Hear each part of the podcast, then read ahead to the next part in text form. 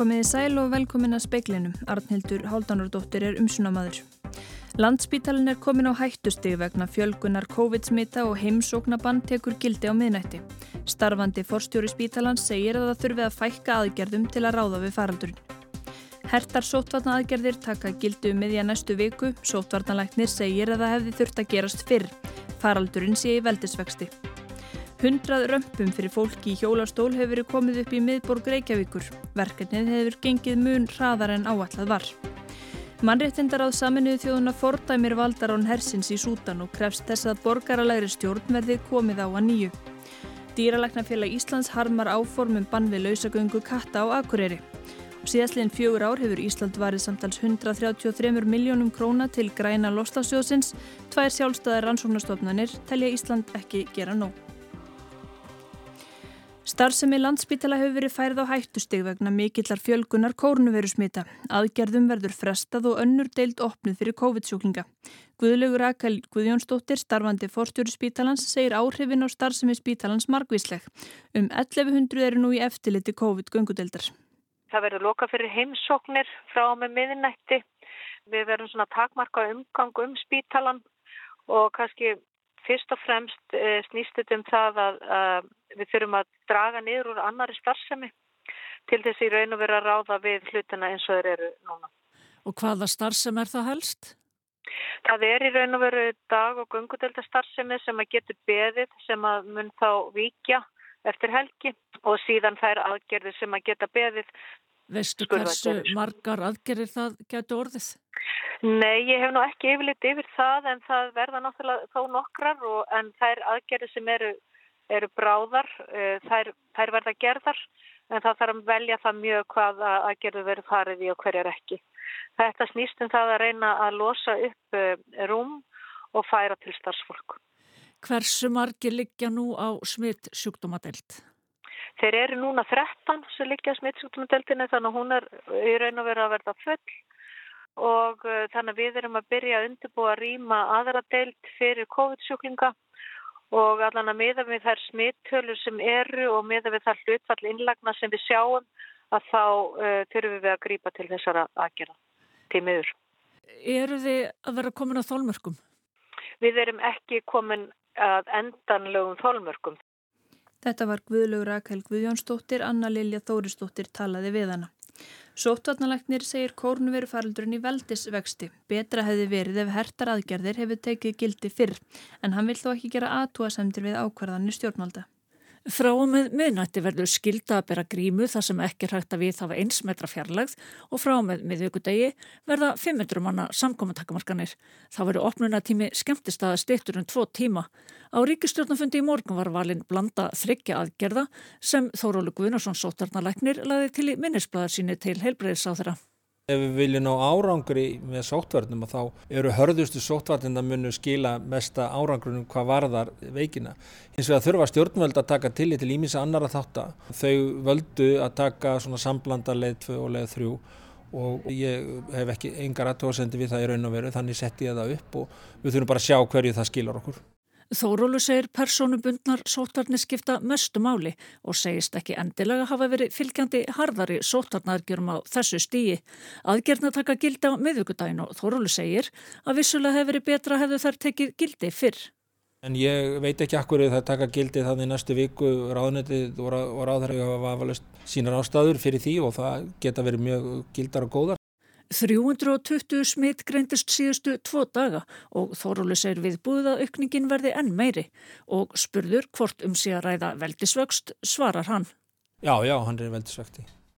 Víði Reynisson, yfirlauruglu þjóttni á almannavörnum, segir að hann hefði vissulega vilja sjá aðgerðirnar taka gildi fyrr og því reyni á ábyrga hegðun fólks fara í hraðpróf eða við erum að fara í ásatíði eða í einhverja svona skemmtanir og fara bara varlega. Ég held að það skiptir bara mestu máli og þetta reglurnar muni aldrei leysa okkur undan því. Þetta var Víður Reynesson sem kemur um eitt í beina útsendingu síðar í speklinum og áður heyrðist í Þórulvi Guðnasinni. Anna Lilja Þóristóttir tók saman. Grunur leikur á um að fjórir skipverjar um borði í skuttóarunum Málmei SK frá Sauðarkróki séu smitaðar af COVID.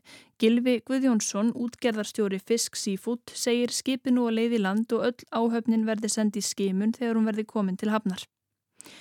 Nýverði laug smíði við rampnúmer 100 í miðborg Reykjavíkur í tengslum við verkefni Römpum upp Reykjavík.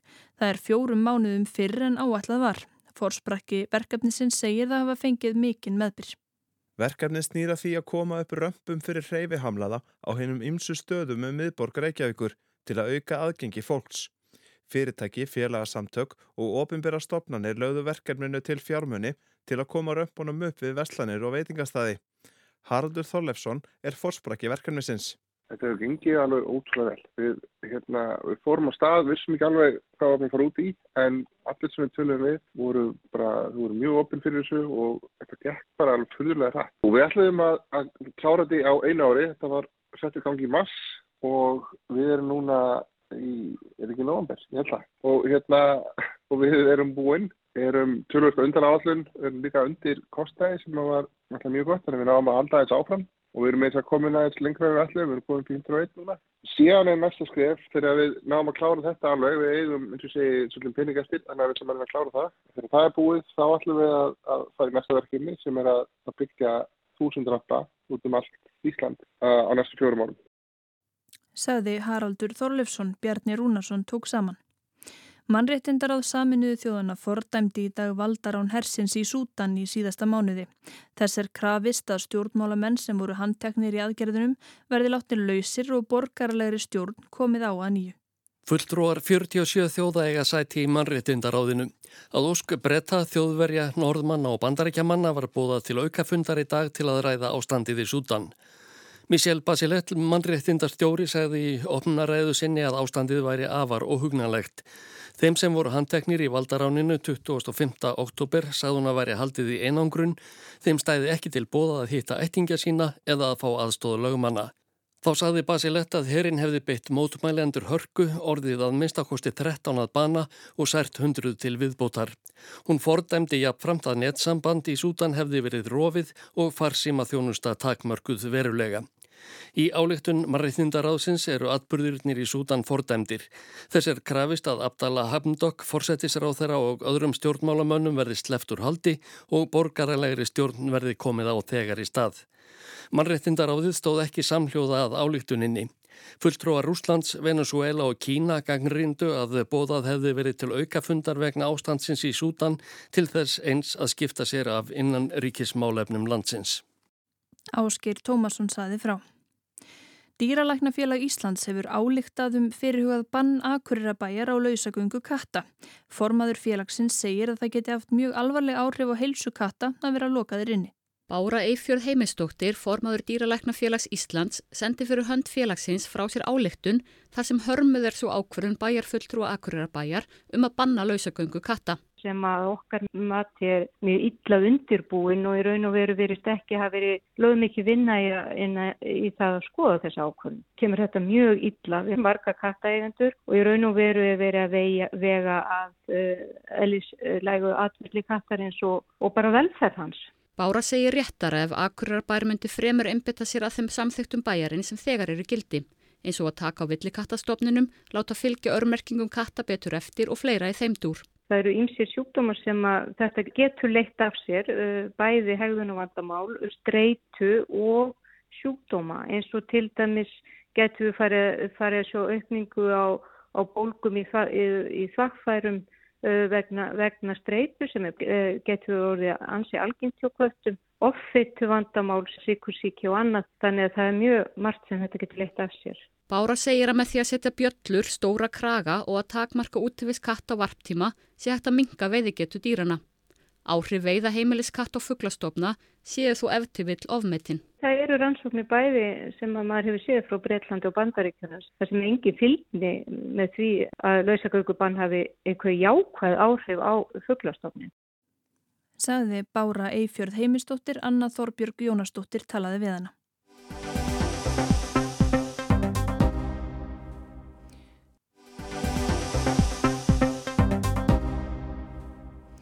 Við Reynisson, yfirlögurklu þjótti á almannavörnum, velkomin í speilin. Takk. Hvernig líði þið með tíðindi dagsins? Nú rétt fyrir fréttir voru berast þau tíðindi að spítalinn væri komin á hættusteg, 167 smitt. Ég held að bara okkur líði, e- ekkert, enga okkar bara líði vel með þetta. Ég held að þetta sé náttúrulega staða sem við vorum að vonast til þess að þurfum ekki að fara í aftur og, og hérna, en við svo sem erum búin að vera að hafa ágjur á sínum daldinn tíma og búin að vera að ræða þetta var í alveg möguleiki að þetta myndi taka svona, svona kip og, og við höfum séð, séð það gerast og svo kannski síðustu sólaringar hafa verið svona þeir stæðstu hinga til í faraldurinn bara í heilsinni þannig að Jújú, jú, þetta er svona, við verðum bara setja undir okkur hausin enn og aftur og, og hérna, eiga við þetta, það er ekkert annað í bóði. Já, og í tíðindi dagsins í dag, það eru, eru deildar meiningar í ríkjustjórn um hversu langt eigi að gangi takmörkunum og heilbriðisráðara tók að skarið þess að það var ákveð að fara bil begja og valdi svona svipar aðgerður voru settar á fyrir haust og það eru aðgerður sem að sótananlækni segir að geti jáfnvel ítt undir fjölda smita. Það voru þarna aðrar tilugur frá honum sem að hefðu að hans mati uh, sínt betri árangur. Hver er þín sín á þessa ákverðin helbriðsöðara? Ég hef bara sjálfsög fullan skilning á henni því að, að sko við sem erum að vinna með almannavarnir og, og sótarnalæknir að við hefum ákveðna sín á hlutina og hefum ákveðna skoðanir bara út frá okkar þekkingu og, og öðru slíku en síðan auðvitað eru, er það ábyrð stjórnvald að horfa á stærri myndina, efnæðislega áhrifin og allt þetta sem við, sem við vitum og, og hefur verið kallað eftir að, að gera. Þannig að, að þetta er niðurstaðan og við fylgjum því bara og og það er vonandi þetta dugi og þetta allavega þar ég trú að því að, að, fólk hérna, tækir nú þátt í þessu með okkur og, og hægir svona á sér að þýleitunni til að, við svona þessum hóps, hópsíkingum að þeim, þeim fækki en sko það er líka að við erum að hafa því huga að, að á tímabili vorum við með þetta svona 40-50 smitt 60 smitt kannski og kerfið okkur var alveg að ráða við það. Þannig að við þurfum eiginlega bara að komast þangað. Við þurfum, það stefnir enginn hjá okkur allavega að við eitthvað að hugsa að vera með eitthvað smittlaust, það er engin, engin þörf á því, við þurfum að fara niður í kannski kringu 50 smitt og þá verður svona kerfin okkur öll, öll ráða ágjörlega við það og þannig að það er svona stefnan í augnablikinn, draga bara úr þessum fjölda til þess að og finna leiðina, við þurfum finna hvaða leið við viljum fara til þess að halda því því að COVID er ekkert að fara og við, við verðum í einhvers konar barátt í allan vetur í þessu og, en við þurfum að ná þessu niður í þessa tölu til þess að ráða við það. Já, og það er, það er mikið verið talað um að lifa með veirinu og sótanlæðir hefur talað um að það þurfa að hætta þessum herðarslaka, herðarslaka dansi og sammælast um þessar hóflegu takmarkanir til lengri tíma. Núna er verið að herða aftur til fjóra vikna, svo vantalega kannski slakað. Sko, eru þið hjá almannavörnum að gera eitthvað? Er einhver vinna í gangi hjá ykkur? Uh, þá hugsalega í samstarfi með einhverjum öðrum að því að móta langtíma lausn í þessum efnum? Ekki nema bara það samtal sem við eigum við, við sóttónarleikni og, og þá, þá vinnu sem, að, sem hann hefur unnið og við tókum þátt í vinnu sem að eh, snemma í haust og endur spekla eftir minninsblæði sem sóttónarleikni læði fram um, um sína framtíða sín í fyrir veturinn.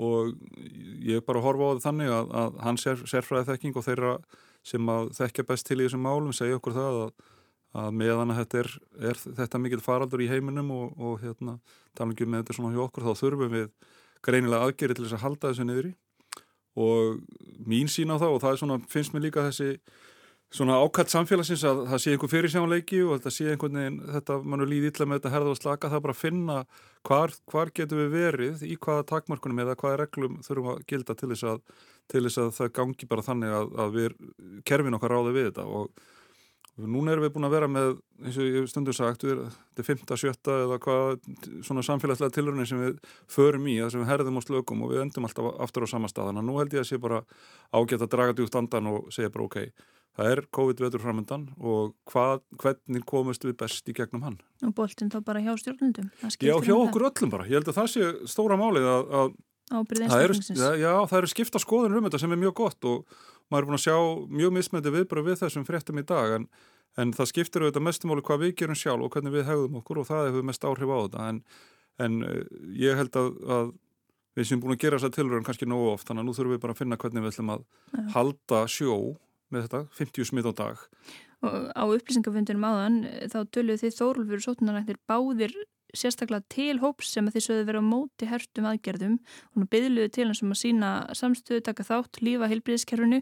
Getur þú sagt mér aðeins nánar hvaða hóps þið eruð að vísa til? Ég bara það er fólk sem hefur, hefur ofinberlega hérna, talað mjög hátt gegn þessu og það er alls konar fólk bara og auðvitað hefur það fullan rétt á því en, en ég held að svo leið sem margir hafa í þeim hópi nefna um að við erum að treysta einstaklingunum og, og það eigi ekki að vera nefn bönn og þetta eigi bara að ganga yfir og annað að, að við erum búin að sína, sína það held ég samfélagið að það er leið sem er ekki að virka og við fáum bara fleiri smitt en við ráðum við og, og hérna og auðvitað getur fjöldi smittana getur verið meiri eftir því sem að geta helbreyðiskerfi sem sé meiri. En nú vitum við bara hvernig hún er núna og, og því verður ekki breytt á einni nóttu og stóra málið því eru auðvitað hefur landsbyttilega margótt sagt er mönnunamálið, það er ekki fermetra vandamálið eða fjöldi rúma, heldur er það mannskapar til að sinna þessum veiku sjúklingum.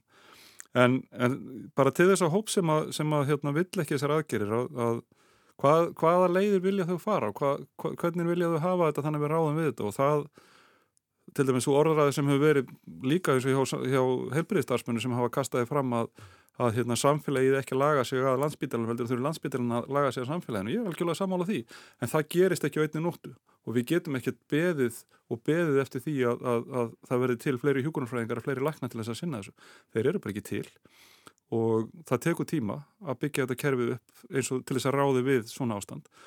Og við þurfum að kaupa okkur einhvert skjól á meðan það er. Og þetta er held ég leiðin í því. Það er að finna einhverjar uh, hæfilegar aðgerir sem að fara að bilbækja eins og ég held að hafi verið gert núna Vörstu til lokin við er hvernig fólk að hafa sér um helgina? Nú taka þess að fjöldatakmarkan er ekki gildi fyrir ná miðgudaginn Nei, bara hugsa þetta bara eins og, eins og staðan er, ekki vera að horfa einhverja reglur eða eitthvað, menna hver er staðan? Það eru smitt út um allt, það voru, það voru smitt í 44 postnumurum í gerð og, og hérna mér sýnir svona tölu dagsins vera kannski vonandi heldur læri en það er erfitt að segja það en það er svona verið eftir að sveipaður kannski en uh, erfitt að segja það strax það er, það er mikið að sínum í, voru tekin í dag út á landi og, og við erum að fá þau í bæin í kvöld bara, þannig að það áttur að koma í ljós. En, en förum bara varlega, nýtum okkur hraðprófin.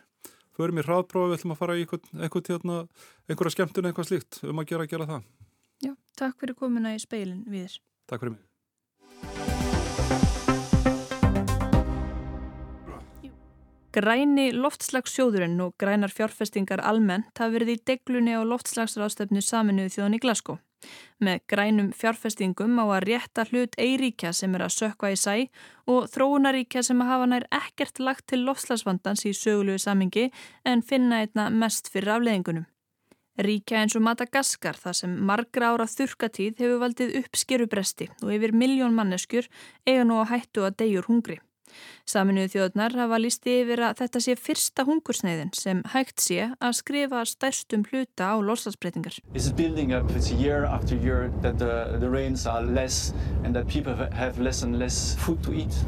Patrik Ferkammen, starfsmæður matvæla áallunar saminuðu þjóðuna, segir að það rigni minna ár frá ári og frambóð og mat drægist sífelt saman á Madagaskar.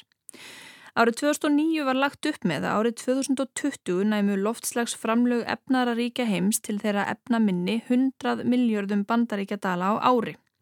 Hugmyndin um að ríku þjóðunar sem bera sögulega ábyrð aðstóðu þær fátæku tegir rætur sinnar þó lengra aftur til ráðstefnunar í Rio de Janeiro í Brasilju árið 1992.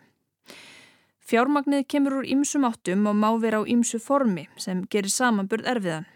Það er ekki allir sammála um hvað felist í loftslagsfjárfestingum og því samanstanda 100 miljardarnir bæði af styrkveitingum og lánum sem ætlast er til að fátakari ríkin greiði tilbaka.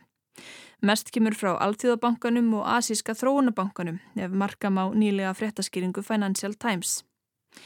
Hluta af þessum 100 miljardum bandaríkjadala á að sapna í gegnum græna lofslagsjóðin. Markmið hefur ekki náðust, upphæðin stendur í 88 miljörðum í ár og ekki útlitt fyrir að markmiði náist fyrir nárið 2023.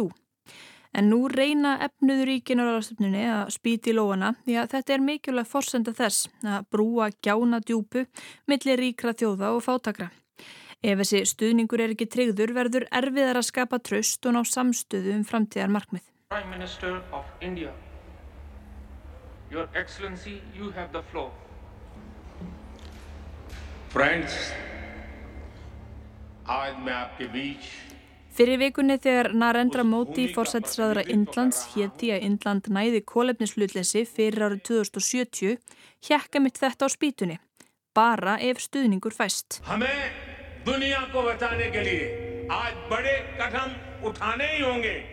Fyrir tveimur árum sótti Katrin Jakobsdóttir fórsættisræðara allsherjar þing saminuðu þjóðuna í New York og flutti ræðu á leiðtófundum loslasmál.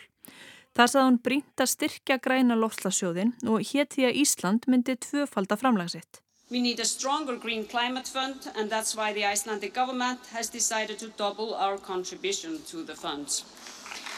Framlægið hefur síðan farið hækkandi en það tvöfaldaðist ekki strax. Í svari utanrikisraðunettisins við fyrirspöld speilsins kemur fram að árið 2019, árið sem Katrín flutti ræðuna, hafi framlægið numið tæpum 25 miljónum króna. Í fyrra laði Ísland 38 miljónir inn á reikning græna loslasjóðsins og í ár voru miljónirnar 48 talsins og tvöfölduninn sangan því orðina veruleika. Utanríkisraðuniti leggur áherslu á að krónurnar sem renni í græna lofslagsjóðin séu bara lítill hluti þeirra framlega sem renni til loftslags tengdra verkefna og sjóða. Með fyrirvarum samþygt fjárlaga eigi að auka þessi framlegum 500 miljónir á næsta ári. Heildar framlög til þróunaverkefna sem teljast bein loslasverkefni eða snúa hluta loslasaðgerðum verði þá um 3,2 miljardar og þriðjungi herri en árið 2018. En hvað er sangjant framlag til græna lofslagsjóðsins og lofslagstengdra þróunarverkefna almennt? Það er ekki gott að segja.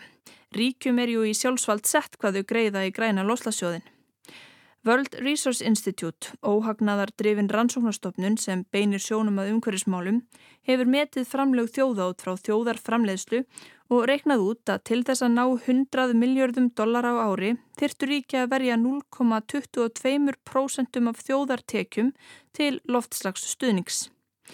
Niðurstaða stofnunarinnar var að árið 2018 hefðu fæstar efnaðar þjóðir lagt nóga mörgum. Þískaland, Frakland og Japan voru undantekningarnar en bandaríkin voru langt frá markinu og Ísland var nefnt sem dæmum ríki sem stæði sig ekki. Framlag Íslands til Lotlasjóðsins í ár, 48 miljónir króna, svarar til rúmlega 0,001% af vergum þjóðartekjum. Ef hort er til heildar framlags sem utanríkisaðunitið áætlar að verja til loslastengdra þróunaverkefna og sjóða á næsta ári verður hlutfallið tæplega 0,11%. Það svarar til helmingsins af því sem að World Research Institute tilur ásættanlegt. Í nýri úttekt sjálfstæðu hugveitunar Overseas Development Institute er auk þjóðartekna hort til losunar gróðursloftegunda og fólksfjölda við áætlun á sangjörnu framlægi. Úttektin tekur til áruna 2017 til 18 og þar far Ísland líka slæma engun. Er sagt greiða rúman þriðjung þess sem mætti telja sangjant. Núregur og Svíþjóð fá aftur á móti topp engun og greiða mun meira en þeim ber.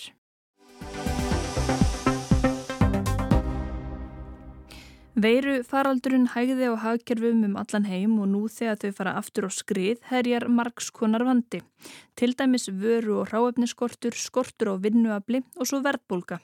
En ástæður verðbólku skipta máli sem skýrir af hverju Englandsbanki hefur ákveðið að halda vöxtum óbreyttum en Sæðlabankin hækkað vexti. Í viðbót glýmir Breitlandsofið sér breskan vanda sem er brexit kostnaðurinn. Maður þarf að kunna latínu til að átta sig á hvað alþjóðlega orðið fyrir verbolgu, inflation á ennsku og fleiri málum, þýðir. Íslenska orðið verbolga er gott dæmu um hvað íslenska getur verið skemmtilega lýsandi. Nei, skilgreiningin á verbolgu likur ekki orðinu en okkur ljóst að það vísar til verðhækkana. Á vefsíðu Sælabankans er verbolga skilgreind sem viðvarandi hækkun verðlags mældi verbreytingum á skilgrendum vörum og neyslu oftast yfir ár.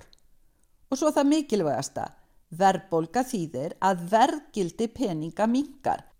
Það fæst minna magn vöru og þjónustu fyrir hverja krónu.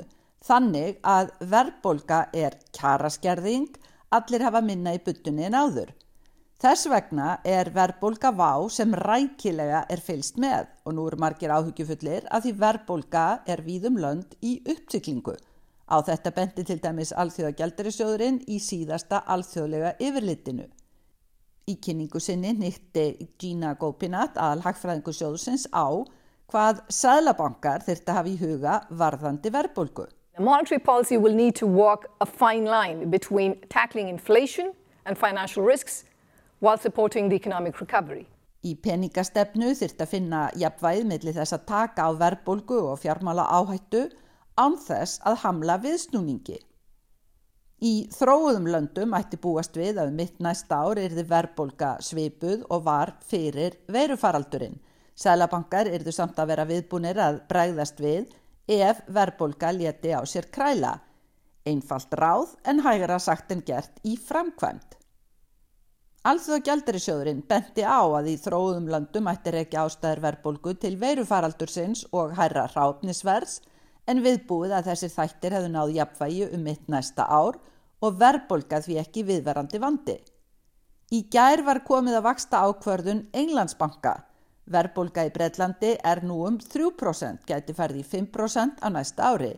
Vel fyrir ofan 2% af verðbólgu viðmið bankans, það er að verðbólka fari korki upp nýja nýður fyrir 2%. Frá Englandsbanka hafði heyrst að já, bankin hefði fullan huga á að nota ráðið sem dýr einna besta verðbólgu, vakstahækkun. En nei, samt álíktaði bankin að býða og sjá til halda megin vöxtum óbreyttum áfram afarlágum aðeins 0,1%. En af hverju telja margir að þetta sé rétta ákverðinin þráttur verðbólgu?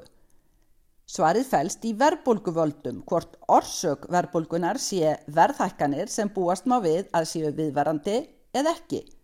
Býð og sjá til því breskar hagvastarhorfur er ekki góðar kröftug uppsveifla í sumar og haust þegar COVID virtist í rénum mun líklega ekki haldast meðal annars vegna sér breska vandans brexit áhrifana.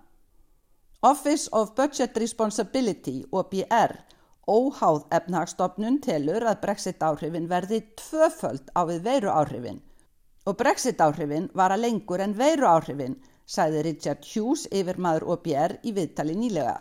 Yeah, in the, in, the, in the. Allt þetta hefur Englandsbanki án efa haft í huga nú þegar vextir haldast og breytir. En þá að Íslandi þar sem verðbólka hefur á löngum köplum bitið sig fasta í hægkerfinu. Verðbólgumið Sælabanka Íslands er aðeins herra en Englandsbanka 2,5%. Peningastefnu nefnd Sælabankans ákveður vexti og já, tilkynnti vakstahækkun nú 7. oktober. Hækkaði meginvexti bankans um 0,25% stig samkvæmt tillögu Áskers Jónssonar Sælabankastjóra. Þið aðtiklisverða er að tveir nefndarmenn, Gunnar Jakobsson og Gilvi Sóöka, vildu meira hækkun, hálft prosentusteg. Skýringin liggur í íslenska verbulguvaldinum. Meiri háttar áhugavert að Gilvi Sóöka sá sig knúin til að skrifa grein um húsnæðisverð, verbulgu og hagstjórn. Þar bendir hann á að í núverandi uppsveiflu séu meginvextir Sælabankans 1,5% Fastir vextir óvertreyðra húsnæðislána 4,5% til 30 ára, breytilegir vextir ríflega 3,7% en verðbólka mælist 4,4%. Þetta lága vakstastig, skrifar Gilvi, hafi hækkað eignaverð jamt á íbúðarhúsnæði sem öðrum eignum. Þið sérstakka við Ísland er að það er engum húsnæðisverð sem veldur núverandi verðbólku og því viturlegt að hækka vexti jafnvel enn meira en gert var ef markam á ábendingu gilfa. Annað sem er sérstætt við íslenska verðbólgu umræðu er hvað hún er alltaf tengd húsnæðisverði. Að hærri vextir gerir fólki erfiðra fyrir að kaupa húsnæði, vissulega sjónarmið, en í erlendri verðbólgu umræðu vegur venjulega þingra þetta að já, verðbólga er kjaraskerðing. Og eitt ráðið gegn kjaraskerðingunni er hærri vextir. Segrún Davidsdóttir tók pistilinn saman. Það var með lefnis í spekli kvöldsins að landsbítalinn er komin á hættusteg vegna fjölgunar COVID-smitta og heimsóknabann tekur gildi á miðnætti. Hertar sótotna að aðgerði taka gildi um miðja næstu viku. Sótotnalegnir segir að það hefði þurft að gerast fyrr faraldurinn sé í veldisvexti. Hundrað römpum fyrir fólki í hjólastól hefur komið upp í miðborg Reykjavíkur. Verkefnið hefur gengið mun hraðar en áallad var. Mannréttindar á saminuð þjóðana fordamir valdarán hersins í Sútan og krefst þess að borgarlegri stjórnverði komið á að nýju. Og síðastlegin fjögur ár hefur Ísland varið samtals 133 miljónum króna til græna lofslagsjóðsins. Tvær sjálfstæðar rannsóknarstofnanir telja Ísland ekki gera nóg. Veðurhorfur vaksandi austanátt og þyknar upp fyrir að regna síðstundir miðnætti, austan og norðustan 10 til 18 metrar og sekundundir morgun, kvassast á annesjum norðvestan til en 15 til 23 við fjöll suð austan til. Viða regning eða slitta en snjókoma eða jél fyrir norðan og talsverð úrkoma suð-vestanland sem tíma í fyrramálið. Norðlægari og dregur úr vindu úrkomu setnipartin, hiti 0 til 8 steg að deginum, mildast suð-austanlands. Fleiri ekki spekli kvöldsins, Markus Hjaldarsson sendi út, verið sæl og góða helgi.